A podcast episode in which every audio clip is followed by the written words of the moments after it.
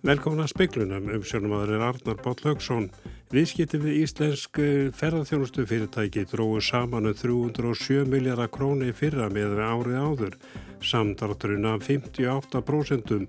Lokun Suðurstrandavegar vegna elgósins á Reykjaneskaga reynir fyrst og fremst á samgöngu yfirvöld í landinu, segi bæjastjórinni Ölfusi. Huga þarf uppbyggingu þrengslegar til að tryggja þungaflutninga. Tíu læknanemar sem starfaði sumarafleysingum á bráðamáttöku landsbítalans lýsa þungum áhyggjum af undurmönnum sérfræðinga á bráðadeildinni. Flugfræðufélag Íslands krefst þess að flugfélagi Plei gangi til viðræna um kjara samning flugfræja og flugþjónan. Stjórnvöldi í Breitlandi af ákveð að leifa 60.000 áhörundum að fylgjast með úslital og úslita leikjum í Evrópukefni í fótbolta. Líklega lok, lokunu suðustrandavegar vegna hraunreynslis úr geldingadölum hefði talsverð áhrif á efnags og menningarleg samskipti íbú á Suðunésum og í Ölbusum, segir Elli Vignisson bæjastjóri Ölbus. Samgönguður völdið þyrtu að huga vel að frekari uppbyggingu þrengslavegar. Það er náttúrulega útflutningsöfnin fyrir þetta sæði er hér í, í Tólásöfn og mikið notuð. Þannig að það eru víða beinir viðskiptalegir hagsmunir En svo er það bara líka þessi kulturísku áhrif. Þetta er eitt og sama atvinnusvæði. Fólk býra á öðrum staðinum og vinnur á, á hinnum staðinum. Fólk býra á öðrum staðinum og spila með íþróttafélugum og hvar fram eftir gödunum. Þannig að þetta hefur viðtæk og mikil áhrif. Er sveitarstofna fólk og já, forsvarsfólk fyrirtækja farið að huga að þessu hvernig ég að bregðast við?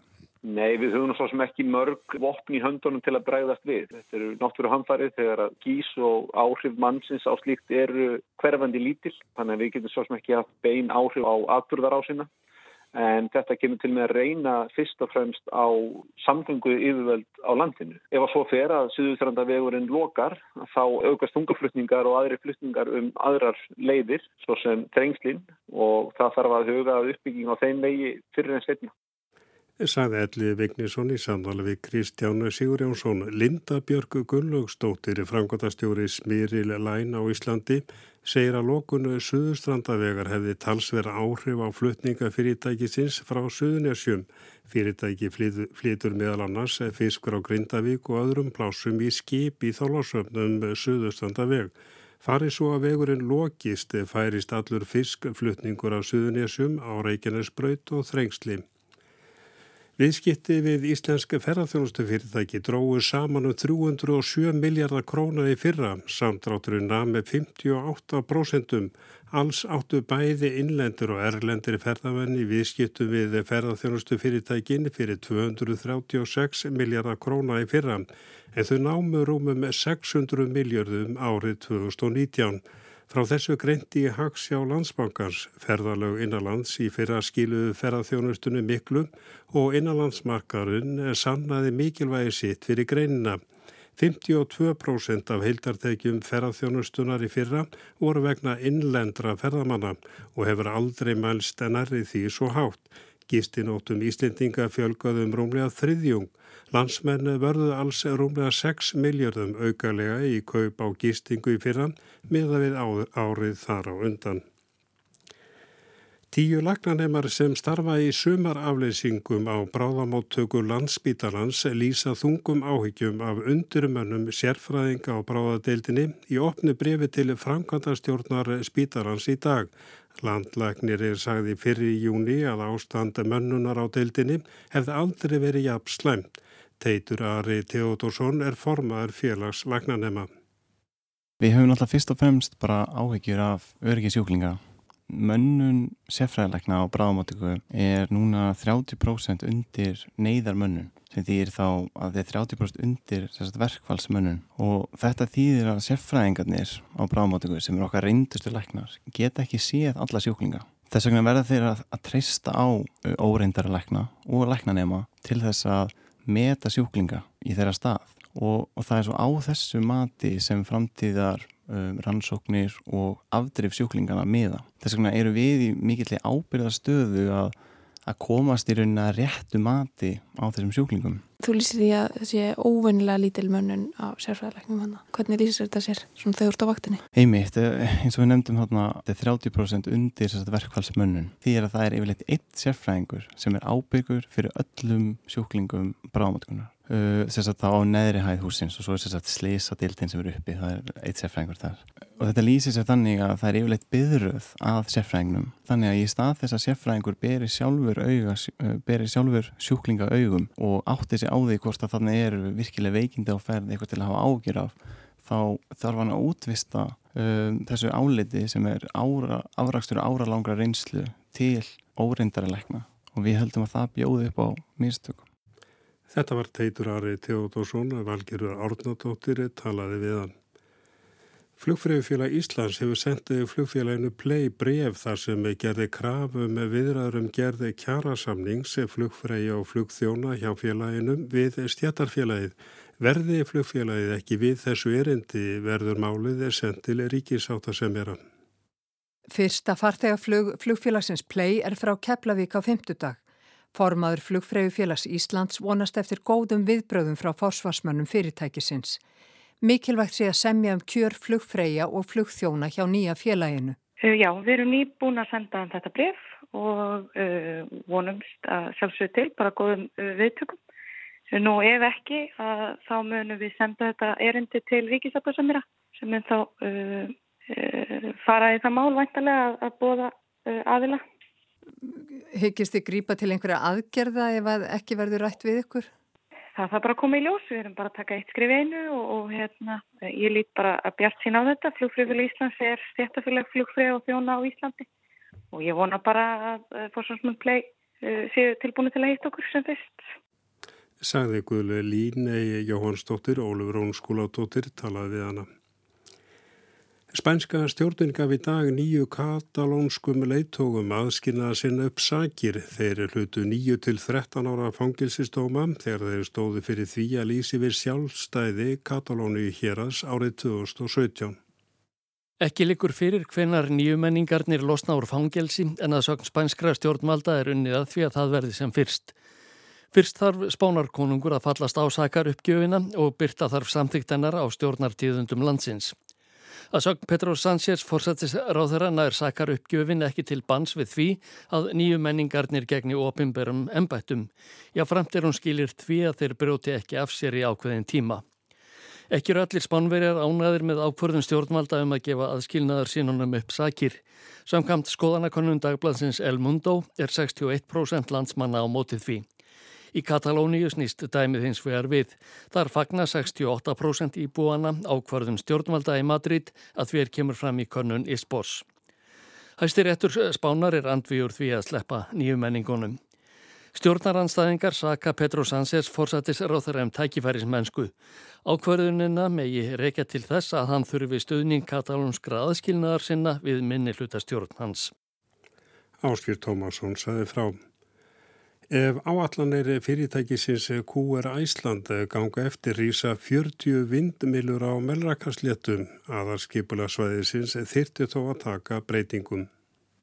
Fyrirtækið hefur í hyggju að reysa vindorkuver með alltaf 40 vindmilum á hóla heiði við Kópasker. Þegar hafa verið gerðið samningar við landegundur um afnót af landi þeirra vegna framkvæmdarinnar. Þetta er stórt landsvæði sem er þið byggt á og Gaukur Hjartarsson, skipulags fulltrú á Norðuþingi, segir skoðanir eðlilega skiptar. Það eru augljóslega skiptar skoðanir í samfélaginu. Sumir eru svona, maður hefur á tilfinninguna, sumir séu aðeins mikið á móttu þessu. Aðrir eru hlindir og enn aðrir eins og gengur, kannski til að hlutlausur og býða eftir einhvers konar niðurstöðum úr umhverjus mati. Forsendur fyrir byggingu vindorkuvers er aðalskipula í Norðuþings verði breytt og var haldinn fundur í síðustu viku á Kópaskeri til að kynna mögulega breytingu sem og verkefnið í heilsinni. Þannig að við göngum út frá því að aðalskipulainu verði breytt. Það er hins vegar ekki ávísun á að, að vindmjölugarður komið til framkvæmda. Það er önnur ákvörðan sagði Gaugur Hjartarsson, Anna Þorbjörg Jónastóttir talaði við hann. Fórseti Knatsbyrnu sambands Evrópu fagnaði í dag þeirri ákvörðun breskra stjórnvalda að leifa 60.000 áhorfendum að fylgjast með úslita og úslita leiknum í Evrópi keppminni í fótbolta. Breska ríkistjótin frestaði aflétta takmörkunum á samgöng komubanni vegna koronaviru faraldusins til 19. júli. Undantekning er gerða á fókbóltaleikjónum. Þremur þetta verða því fjölminnestu kappleikir á Breitlandsegjum í 15 mánuði. Í síðustu viku voru aðeins 20.000 áharfundur á leika englending og skota á vemblei leikmagnum í Lundunum.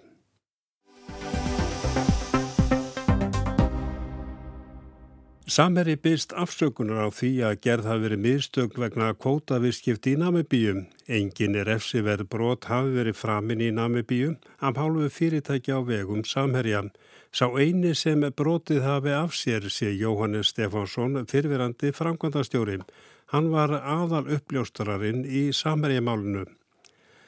Ámælis verðir viðskiptahættir fengu að viðgangast í starfsemi útgerðar samherja í Namibíum, veikleikar voru í stjórn skipulagi og lausatöku sem ekki átt að líðast við brúðust ekki við eins og okkur barn. Þannig hefst afsöknabegni Þorsteins Más Baldvinssonar fástjóra á samherja sem byrt var á heilsíðu bæði í morgumblæðinu og í fréttablaðinu í dag. Yfirlýsingur er líkur á þessum orðum. Mýrstök okkar í Namibíum eru ekki síst okkur sjálfum mikil vonbriði. Við munum ekki láta slikt að henda aftur tilvitnu líkur. Tilefnið eru staðhæfingar um að samherja hafa á sínum tíma komist yfir kvóta í Namibíum með því að múta hátsettum embætismönnum þar. Um það var fjallað ítarlega í fréttaskýringaþættinum Kveik og í stundinni 2019. Umfjöllun var byggð á gögnum um starfsemi Samherja sem unnið var úr í samstarfi Víkilíks, Kveiks stundarinnar og sjóastöðvarinnar Al Jazeera. Jóhannes Stefánsson sem var framkvæmdastjóri Samherja í Namibíum á árunum 2002 til 2016 steg fram og tjáði sér ofinbelja um viðskipti Samherja. Embætismennir sem sagðir voru hafa tekið við mútugreislum voru handteknir og framundan eru réttarhöldi yfir þeim í Namibíu. Á heimasíðu Samherja er afsöknabeðinin ítrekuð og ger grein fyrir viðbröðum fyrirtækisins við rannsóknu norsku lögmannstofunar Výborg Ræn sem Samherji fóla rannsaka starfsætti fyrirtækisins. Skísla Výborg Ræn er hins vegar ekki byrt. Í yfirlýsingun er bent á að refsimáli standi nú yfir í Namibíu, yfir namibískum mönnum sem sagaði séum meðal annars að hafa þegi mútur frá starfsmönnum samherja. Engir starfsmenn samherja eða félug í eigu samherja séu á meðal ákjærðra í málinu.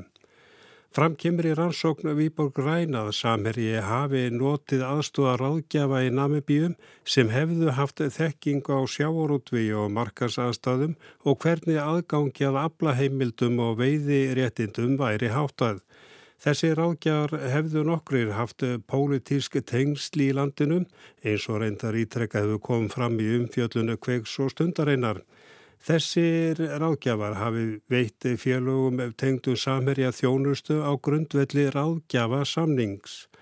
Í yflýsingu samherja kemur fram án þess að skýsla Víkborgaræn sé byrt að megin niðurstöður lögmannstofunar sé að samherja við látið ótalda aðkomu hátsettra aðilegi stjórnkerfi landsins að ráðgjöfur ágjafana. Það hafi vakið spurningar um vandaða viðskiptahætti og aukið áhættu sem ekki var gætt að nægilega vel að í starfsemi félaga sem tengdust samherja í Namibíum. Þó að rannsóknin sína að rákjafinir hafi veitt raunverulega og óumdelda rákjöf í árunar ás hafi þeir fengið greislur án greinar góðra skýringa og fylgiskjala vegna veitrar þjónustum. Ekki kemur fram hvort lagmannstofan telur þetta hafi verið ígildi mútugreisla. Í yfirlýsingunni sér samari þó ástæðu til að hafna ásökunum um mútugreislur í kabla yfirlýsingarinnar sem ber yfirskriftina helstu niðurstöðu Víkborg Ræn um þessi viðskipti á samt aðdóðsendum samherja og orðrétt segir þar. Samherji hafnar alfari ásökunum um mútugreislur en tekur undir þá gaggríni að við þar aðstæðu sem uppi vorum hefði átt að gæta betur á því hvernig greiðslur voru framkvæmdar, hverjir tóku við þeim og á hvaða grundvelli, hverjir höfðu heimildir til að gefa fyrirmjölum þær og hvert þær skildu berast. Einnig er ljóstað samningar á bakvið greiðslundar hefði átt að vera nákvæmir og formlegir til veitnu líkur. Niðurstað lagmannstofunar sé að fyrverandi framkvæmtastjóri yfir félagorum í Namibíu og er það áttu Jóhannes Stefánsson hafi tekið út verulegar uppæðir í reyðu fyrir reikningum félagana á nokkur eða viðlítandi skýringa Mart bendi til þess að peningaúttektinnar hafi verið notaðar með óréttmætum hætti. Í yflýsingunni eru rakin kvótaviðskipti samherja í Namibíum og orðrétt segir. Það er hins vegar ljósta að þá starfsætti sem hér hafa verið raktir hefði átt að stöða mun fyrir. Þeir voru því miður látið viðgangast allt og lengi. Samherji áréttar að ekki verðu séð að aðri starfsmenn en framkvæmdastjórin fyrirverandi hafi bakað sér saknæma ábyrð í störfum sínum. Niðurstaða samherja er að sökudólkurinn sé Jóhannes Stefánsson. Öðrum innan samherja hafi ekki verið kunnugt um mútugreislur eða annað ólöglegt aðtæfi. Í umfjöldunu kveiks og stundarinnar sem samherji hefur harlega mótmælt kom ítrekka fram að þórstinni má baldinsinni fórstjóra samherjan hefði mátt vera ljóst hvað var í gangi. Í eðsvarin yfirlýsingu Jóhannesar til öruglunar í Namibíu frá því apríli 2019 kemur fram að Þorstein Már og James Hatu Kulipi sem var einn af ráðgjöfunum og einn af þeim sem kallaður voru hákarlarnir hafi lagt á ráðin um ráðgjafa greislunar. Þeir hafi verið aðalmenninir sem skipuluðu þetta og komuð þessu í gagnið. Jóhannes hefur þegar viðurkjent að hann hafi brótið af sér og saði meðal hans þetta í kveik þegar Helgi Seljan, fréttamaður, talaði við hann. Þetta er bara glæpastarsmi. Þetta er bara skipulögð glæpastarsmi. Þeir eru að græða á auðlöndum landsins, taka alla pinningin út úr landi til að fjárfesta annar staðar og þó í Evrópi eða bandarækjum. Með því að lýsa þessu svona, þá ertir hún sjálfur að segjast hafa brótið lög.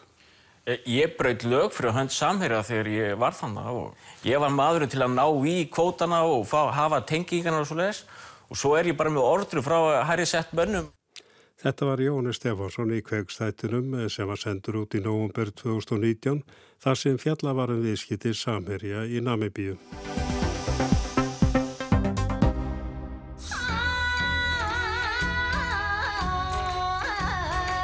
Ólimpíuleikarnir 2020 hefjast eftir mánuði í Tókíu og Japan eftir COVID-frestunina í fyrra. Nú verða þeir haldnir hvað sem tautar og raular. Það er enda ótrúlega flókið og dýrst að fresta rísa viðburði eins og olimpíuleikonum þó ekkert hafi verið annað í stöðunni í fyrra.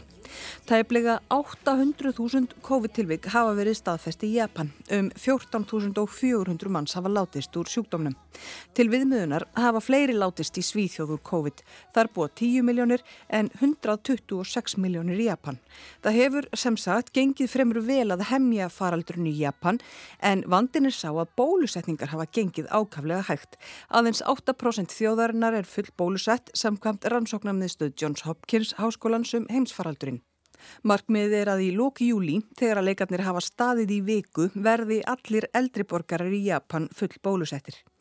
Það er því ekki að furða að japanskur almenningur sé órólegur yfir því að fá til eiríkisins mikinn fjölda útlendinga frá öllum heimshornum. Meiri hlutin vill í raun slá leikana af samkvæmt nýleiri könnun og það er rétt að minna á að Tókjó er fjölmennasta borg heims. Það er því talsverður efniviður fyrir faraldurinn. Ekkert bendir til annars en að leikarnir fari fram á tilsettum tíma en það eru stjórnvöld á milli steins og sleggju, ekki satt Þorkell Gunnar Sigurbjörnsson, Íþróttafréttamaður. Jú, að því að það er rauninni gerðu samningur Japansk stjórnvöld eh, og, og Tókjóborg gerir samning við Alþjóð olimpíunamdina þegar það sækjast eftir því að halda leikana og skuldbinda sig til þess að halda leikana og geta rauninni ekki sagt þeim samningi upp einhlega. Það er bara alþjóð olimpíunemndin sem hefur þann rétt og, og það er bara alls saman skjálfest fyrir löngu síðan því að þetta er náttúrulega ákveð með mjög löngu fyrirvara. Þannig að ef að Japanir og Tókjóborg myndi vilja bakka út úr þessu að þá þurftu það að greiða eitthvað óheirlega skadabætur eða ekki? Ég, það hugsa ég myndi bara stefna í líklega stærsta tryggingamál sögunar sko. Það verður allmart óvennilegt við þessa leika. Engir ferðamenn fáð koma til landsins vegna þeirra, aðeins íþróttamenn, þjálfarar og aðrir sem tengjast leikonum beint. Fjölskyldur íþróttamannana mega ekki koma með, ekki einu sinni brjóstmelkingar, mæðurum þeirra til mikillar ángistar. Um 15.000 íþróttamenn og 10.000 fylginnatta frá um 200 löndum eru væntanlegir til Japans. Sumir eru jafnvel mættir. Íþróttafréttamenn eru í þessum hópi og Þorkell Gunnar er einn fjögura sem fara á vegum ríkisútvarpsins. Þau þurfa að fylgja stífum reglum ég held að það komi rúmlega hálfu mánuði síðan, ég þurfti að skilja mjög flóknu Excel-skjali um alla þá staði sem við ætlum að vera á til dæmis fyrstu 14 dagana. Og það er bara svona hluti af ákveðinu sótvarnar búblu og ég er þá býðast að, að það veri samþygt og, og, og síðan þurfum við náttúrulega bara, mögum bara vera innan þessar búblu þessar fyrstu 14 daga og mögum þá ekki fara til dæmis í almenningssamgöngur eða svo leys, heldur bara sérsta transport á milli þá okkar vistar vera og síðan það sem við höfum skrifstofu aðstöðu og, og síðan náttúrulega bara keppnistæðinni sem við förum á og svo þurfum við að skila einn hitatölum okkur að minnast að mótni í app ég er orðin svona sóttvarnar fulltrúi fyrir hópin þannig að ég ber ábyrða því að þurfa að koma þessum hitatölum og, og hitamæla samstarfsfólk mitt á, á hverju mótni eða, eða svo leiðist. Að auki geta stjórnvöld fylst með ferðum íþróttafréttamannana í gegnum sóttvarnarappið. Það orkar tvímæli, segir Þorkell Gunnar en hann er tilbúin að beigja söndir það og meðan leikunum stendur starfsíns vegna. Japansk stjórnvöld miða við að 80% íþróttamanna og starfsmanna í olimpíuþorpinu verði bólusett. Ætlast er til að fólk haldi sig fyrst og fremst í sinni olimpíu kúlu. Tveir íþróttamenn verða í hverju herbergi sem hendar illa í heimsfaraldri en er erfitt að breyta úr þessu. Mötuneytin og matsalernir eru reysastórir en þángað má fólk aðeins fara einsamalt, borða eins hratt og það getur og koma sér síðan út. Æfingasælir íþróttafólks eru líka feiknastórir en hvert hlaupabretti verður skermað af og íþróttafólk á að hlaupa með grímu. Það á samsagt að gera það sem hægt er til að koma í veg fyrir hópsíkingar. Jú, akkurat og, og það verður, náttúrulega íþróttafólki verður prófað bara mjög reglulega En ég heyrði nú líka ekki starfum daginn að íþróttafólk sem er bara kannski að keppa í einhverjum einum viðburði, kannski einhver hlaupari eða sundmaður sem er bara kannski einu viðburði, að hann þurfu held ég að yfirgefa olimpíuþorpi 48 klukkustundum eftir keppni. Þannig að íþróttafólkið er kannski ekki allt í þessa tæpu þrjáru vikur sem að, að leikarnir standa yfir eða rúmið tvær sem þeir eru. Sko. Þannig að það er verða kannski ekki allir eða allt íþróttafólki samtímis í þessu olimpíuþorpi og, og þeirra fylgdali. Það var tilkynnt í gær að það verði lefð 50% nýtinga á hröndapöllunum. Áhórundunir verða, þetta verður allt, allt innfættir, er það ekki? Jú, það var búið að taka ákvörðunum það fyrir lengur síðan að, að banna sérstaklega áhórundur utan úr heimi, líka fyrst og fremst bara til þess að koma í veg fyrir smitt og, og það segir sér sjálft að þetta náttúrulega getur verið algjör suðu pottur og gróður að stíða þegar það er heimsvaraldur í gangi og, og í raun ótrúlegt að sé verið að fara að halda olimpíuleika með þessum hætti en eh, alþjóð olimpíunemdinn og, og skipilegendur í Tókíu telja sig vera búin að að setja upp eitthvað plan. En það má ekki rópa og ekki tala hátt á hrundapöllunum. Þetta verður svolítið sérkennlegt, er ekki? Jú, engi spurning sko. En þetta er náttúrulega svo sem kultúrmunur á, á, á milli staða. Sko. Það verður mjög áhugavert að sjá hvernig Japanir verða. Þeir eru nú almennt kurtesir, svona, sagði þeir sko. Hanna, en stemming oft, sérstaklega hjá þessum Asíu þjóðum, kynverðinni til dæmis fylgtu vel í Peking 2008 og, og, hérna, og stuttu bara alla sem voru að keppa. Þannig að ég held að þetta verður nú allt í lægi en, en öðruvísi, engi spurning. Ríki og borgir keppast yðurlega við að fá að halda risa íþróttaviðburði og leggja mikið í sölurnar, byggja íþróttahallir og bæta samgöngur. Upphæðirnar eru svimandi en á móti koma ferðamennir sem að eigða háum fjárhæðum í mat, gistingu og ymsan varning. Það verður ekki í Tókjó. Tekjurnar vegar hjá Alþjóð Olimpíunendinni, þær munir svona nokkur neginn halda sér að því að sjómasrétta samningarnir eru bara þannig uppbyggðir að það eru stjartfræðilegar upphæðir þar í í, í húfi og síðan náttúrulega einhverju styrtaraðalar sem búið að semja við. Þannig að alþjóð olimpíunendin komur svona nokkur neginn út á sléttu þó að þau þurfum náttúrulega að borga eitthvað aukalega í kringum þessa frestun. En það verður áhugast að sjá hversu miklu Japanir munu tapa á þessu leikum að því að ég get ekki ímyndað mér að það verði mikill gróði. Sagði Þorkill Gunnar Sigurbjörnsson, Ragnhildur Torlasíus talaði við hann en þá til Breitlands. Delta afbríði COVID er á góðri leið með að orsaka þriðju COVID-bylgjuna í Breitlandi. Það er þakkað bólusetningu að döðsföllum þar að völdum COVID hefur ekki fjölgað að sama marki, allavega ekki enn sem komið er. Breitland er ekki eina Evrópulandi þar sem Delta afbríði hefur farið á flug en er ekki reyn hlít að eina ástæðan fyrir fjölgun tilfella í Breitlandi sé delta afbreyðun að kenna. Boris Johnson, forsætsráþur að breyta, talar yðurlega ekki aðeins um Breitland heldur um þjóðurnar fjórar sem byggja landið. Eitt af fyrsta sem COVID-19 rauf var samhældni þjóðana fjögura, England, Skotlands, Wales og Norðurírlands. Aðstæður í landslutunum fjórum urðu fljótt ólíkar og leðtóðar þeirra þá ósamala um hvernig þetta taka veirunni. Þegar fór að líðað jólum var ákaft rætt að það væri betra að sömu reglur giltu allstaður um jólinn til að auðvelda jólaheimsóknir millir landsluta. Í lógnóumber hafðu leðtóðar landslutana því komið sér saman um sameinlegar jólaaðgerðir. Ráðið var jólakúlan. Hver fjölskylda sem byggi saman mátti vera í kúlu með alltaf tveimur öðrum fjölskyldum halda saman upp á jólinn, tilkynnti fórsætsráþura. All four nations of the UK have agreed that from the 23rd of December to the 27th of December, you'll be able to form a Christmas bubble with up to two other households. Þegar leiða jólum var ástandið þó orðið svo slæmt að áallanir um jólakúlur urðu óvitturlegar. Hver landsluti greip þá aftur til sinna ráða og þannig hefur það verið síðan. Nokkrum dögum fyrir jól réttir að landsmenn voru að týja sig til jólaferða voru ferðalög í Englandi einfallega bönnuð. Þegar fórsætsráþara ræðir og kynir COVID-aðgerðir eru það yðurlega ráðstafanir sem eiga aðeins við í Englandi ekki öllu landinu. Einn hliðar áhrif COVID eru aukin meðvitund í landslutunum fjórum um sjálfsforræði hvers landsluta. Þeir hafa til dæmis hver sitt heilbriðiskerfi og stundum er tókstreita milli landslutana. Nýlega lísti Nikola Sturgeon fyrstir ráð þeirra skota yfir ferðabanni milli Skotlands og nokkura svæða í Norðrenglandi þar sem COVID-smitt hafa blossað upp. Í vekunni var svo ferðabannið aukið, nær nú til Manchester og Nágrannis. Þá þauðt heldur betur í hinnum atkvaða mikla borgastjóra Manchester, Andy Burnham. It's hypocrisy because you know this is they've done to us exactly what they always complain uh, that the UK government does uh, does to Scotland. Sturgeon síndi hérna mestu hræstni, saði Burnham, með því að setja á ferðabann án það svo mikið sem að ræða við ráðamenn í Manchester. Nákvæmlega það sama og skoski þjóðaflokkurinn sem Sturgeon leiðir kvartaði sífælt undan varðandi breskustjórnina að hún tæki ákvarðanir að þess að ræðfæra sig við skota. Sturgeon hefði ekki ræðfært sig við yfirvöld í Manchester. Veirufaraldurinn hefur líka afhjúpað mun, milli og innan landslutana fjögra og sámunur er gamalkunnur í bresku samhengi eftir tekjum og mentun.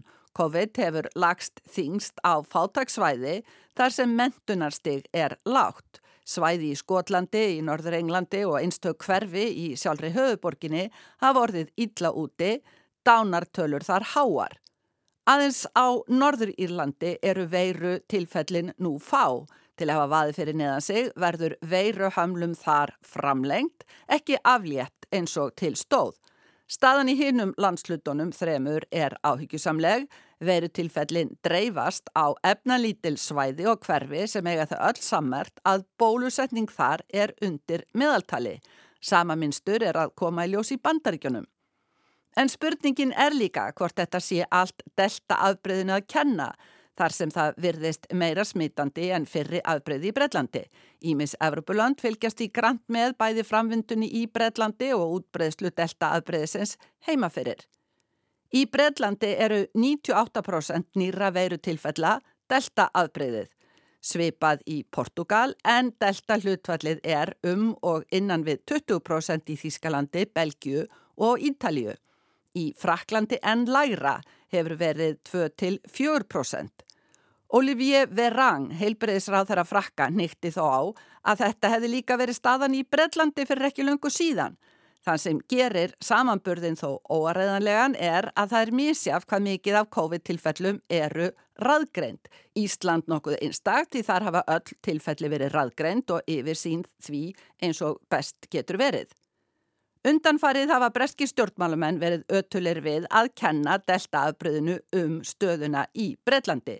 Hið aðtiklisverða er þó, eins og bent vera á í úttækt í Financial Times nýlega, að í Danmörku gætti deltaafbröðisins á sveipun tíma og í Breitlandi en hefur ekki farið á flug.